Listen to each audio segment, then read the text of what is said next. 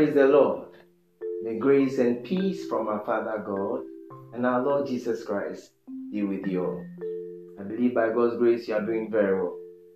I want to actually encourage you through the Word of God and ensure that you have the ultimate peace. I speak to you shortly on the topic, the ultimate peace.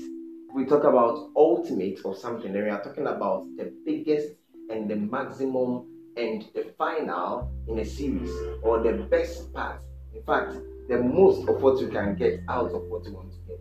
And we want to talk about the ultimate peace. Several people think they can have peace on several things. People think they can have peace by getting a lot of money. People think they can have peace by marrying the best woman. People think they can have peace by having all that they want the best job, the best car, and so on and so forth. Even health.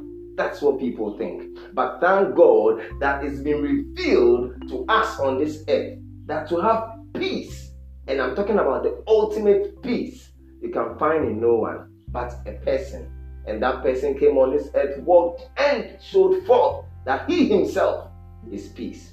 Let's read John chapter 14, verse 27. John chapter 14, verse 27. I take it from the English version. There are John 14, 27. I read, Peace I leave with you, my peace I give to you. Not as the world gives, do I give to you. Let not your hearts be troubled, neither let them be afraid. Hallelujah. Um, let's take our next reading, Matthew chapter 5, verse 9. Matthew 5 9. Matthew 5 9. Blessed are the peacemakers, for they shall be called sons of God. Praise God. Now, from our reading, we take note that now what someone is not having cannot be given. Jesus is telling us that He's giving us peace, but what He's giving us is what He has, what He is. So, my has something that we don't have. Thank God that the man Jesus has peace. Oh, if you don't have Jesus, you don't have peace. I've come to announce to you that you need Jesus to make peace, to have peace, and to be at peace because He is peace. Now, He's giving us peace not as the world does. Probably the world is thinking that the best peace we can have now is to have a vaccine for COVID 19. I don't know about that. Probably you are thinking that the best peace you have is for your wife to calm down, your husband to calm down. But I've come to announce to you that the one who is himself peace, who comes into the situation and makes peace and let peace prevail, is Jesus Christ. Now, the Bible further tells us in Jesus' teachings that Blessed are the peacemakers, for they are the sons of God. So, you, to be a peacemaker, you have to be a son of God. You have to be part of the family of God before you can have that peace so that you're able to make it. Else, you actually be a confusionist.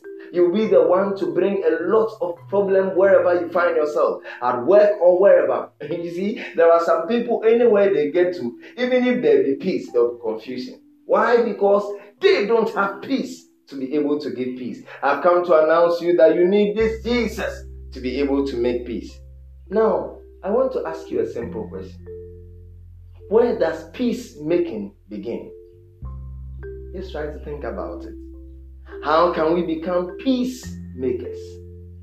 Think about it. Can peace be discovered within ourselves? Let's try to have thought about these. Now, there can be no peace until we find peace with God.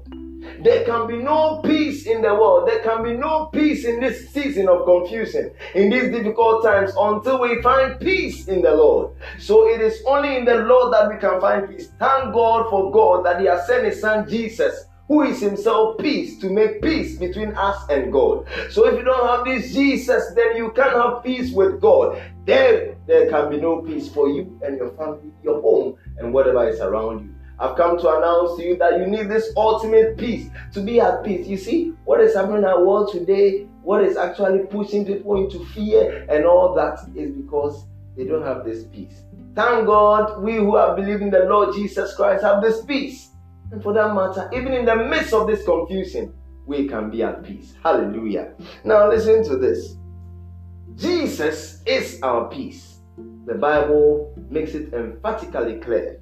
Now, we look at Isaiah 53 5 and Ephesians 2 14. Ephesians 2, you can read from 11 to 16 to get a better understanding, but I'll just take Ephesians 2 14 and Isaiah 53 5. So we take Ephesians 2 14. I read. For he himself is our peace, who has made us both one and has broken down his flesh the dividing wall of hostility. So Jesus is our peace. Oh, you need this Jesus to have this ultimate peace I'm talking about. Now, we want to take Isaiah 53 and we also want to look at the verse 5. Isaiah 53 5. I read. Isaiah 53 5. But he was pierced for our transgressions, he was crushed for our iniquities. Upon him was the chastisement that brought us peace, and with his wounds we are healed. You see, what we needed to be at peace with God is the payment, the ransom, what sin has brought unto man, what has enslaved us. But thanks be to God that his only Son, who is without sin, came in, stepped in. Now, the chastisement that we were supposed to take, the chastisement that will bring us peace, he stood in for us. He took our place and died for us that we might have this peace. I've come to announce to you that if you don't accept this Jesus, you can't have peace with God. And without peace with God, you can't have peace on this earth. You need the Jesus to make peace with God because He is our peace. As the Bible testifies and makes it clear to us. Now, on to Christians, I want to announce to you. Now, we can pray and pray and pray and pray, but until this peace actually manifests itself through our prayers, we can't have this peace. Now, in our prayers, let's take note. One thing manifests first before whatever answer comes in. That is the peace that our Lord Jesus Christ gives us. Let's read what the Bible tells us from Philippians 4 6 and 7. Philippians chapter 4. Let's take Philippians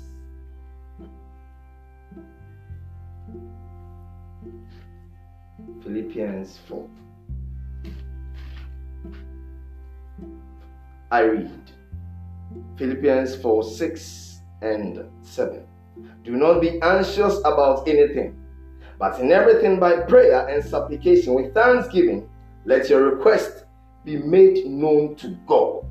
And the peace of God, which surpasses all understanding, will guard your hearts and your minds in Christ Jesus. Hallelujah. Now, there is a peace in God that you can only have if you pray and do not be anxious. What is happening now? Our world wants us to be anxious wants us to be thinking haywire, our bodies and our thoughts, countries and people throwing their hands in the air. But I've come to announce you that if you offer prayer unto our God, then His peace will first overshadow your heart, and you will be at peace. And in this peace, He will show Himself strong and let you know that yes, He is God. Charles H. Brent says that peace comes when there is no cloud between us and God. Peace is the consequence of forgiveness. God's removal of that which obscures his face and so breaks union with him. To have this peace, you need Jesus Christ. So that whatever cloud, whatever is between you and God will be taken out. You need this ultimate peace to survive on this earth. You need this ultimate peace so that in eternity you have peace. you can have some kind of joy on this earth, but without this ultimate peace, you can't have peace in Christ Jesus. I've come to announce to you that you need this ultimate peace. It's only through Jesus that you can have this ultimate peace. Let our God help you that you accept Jesus as your Lord and personal Savior, and you have this ultimate peace I'm talking about. May grace and peace of our Lord Jesus continue to be with you. Amen.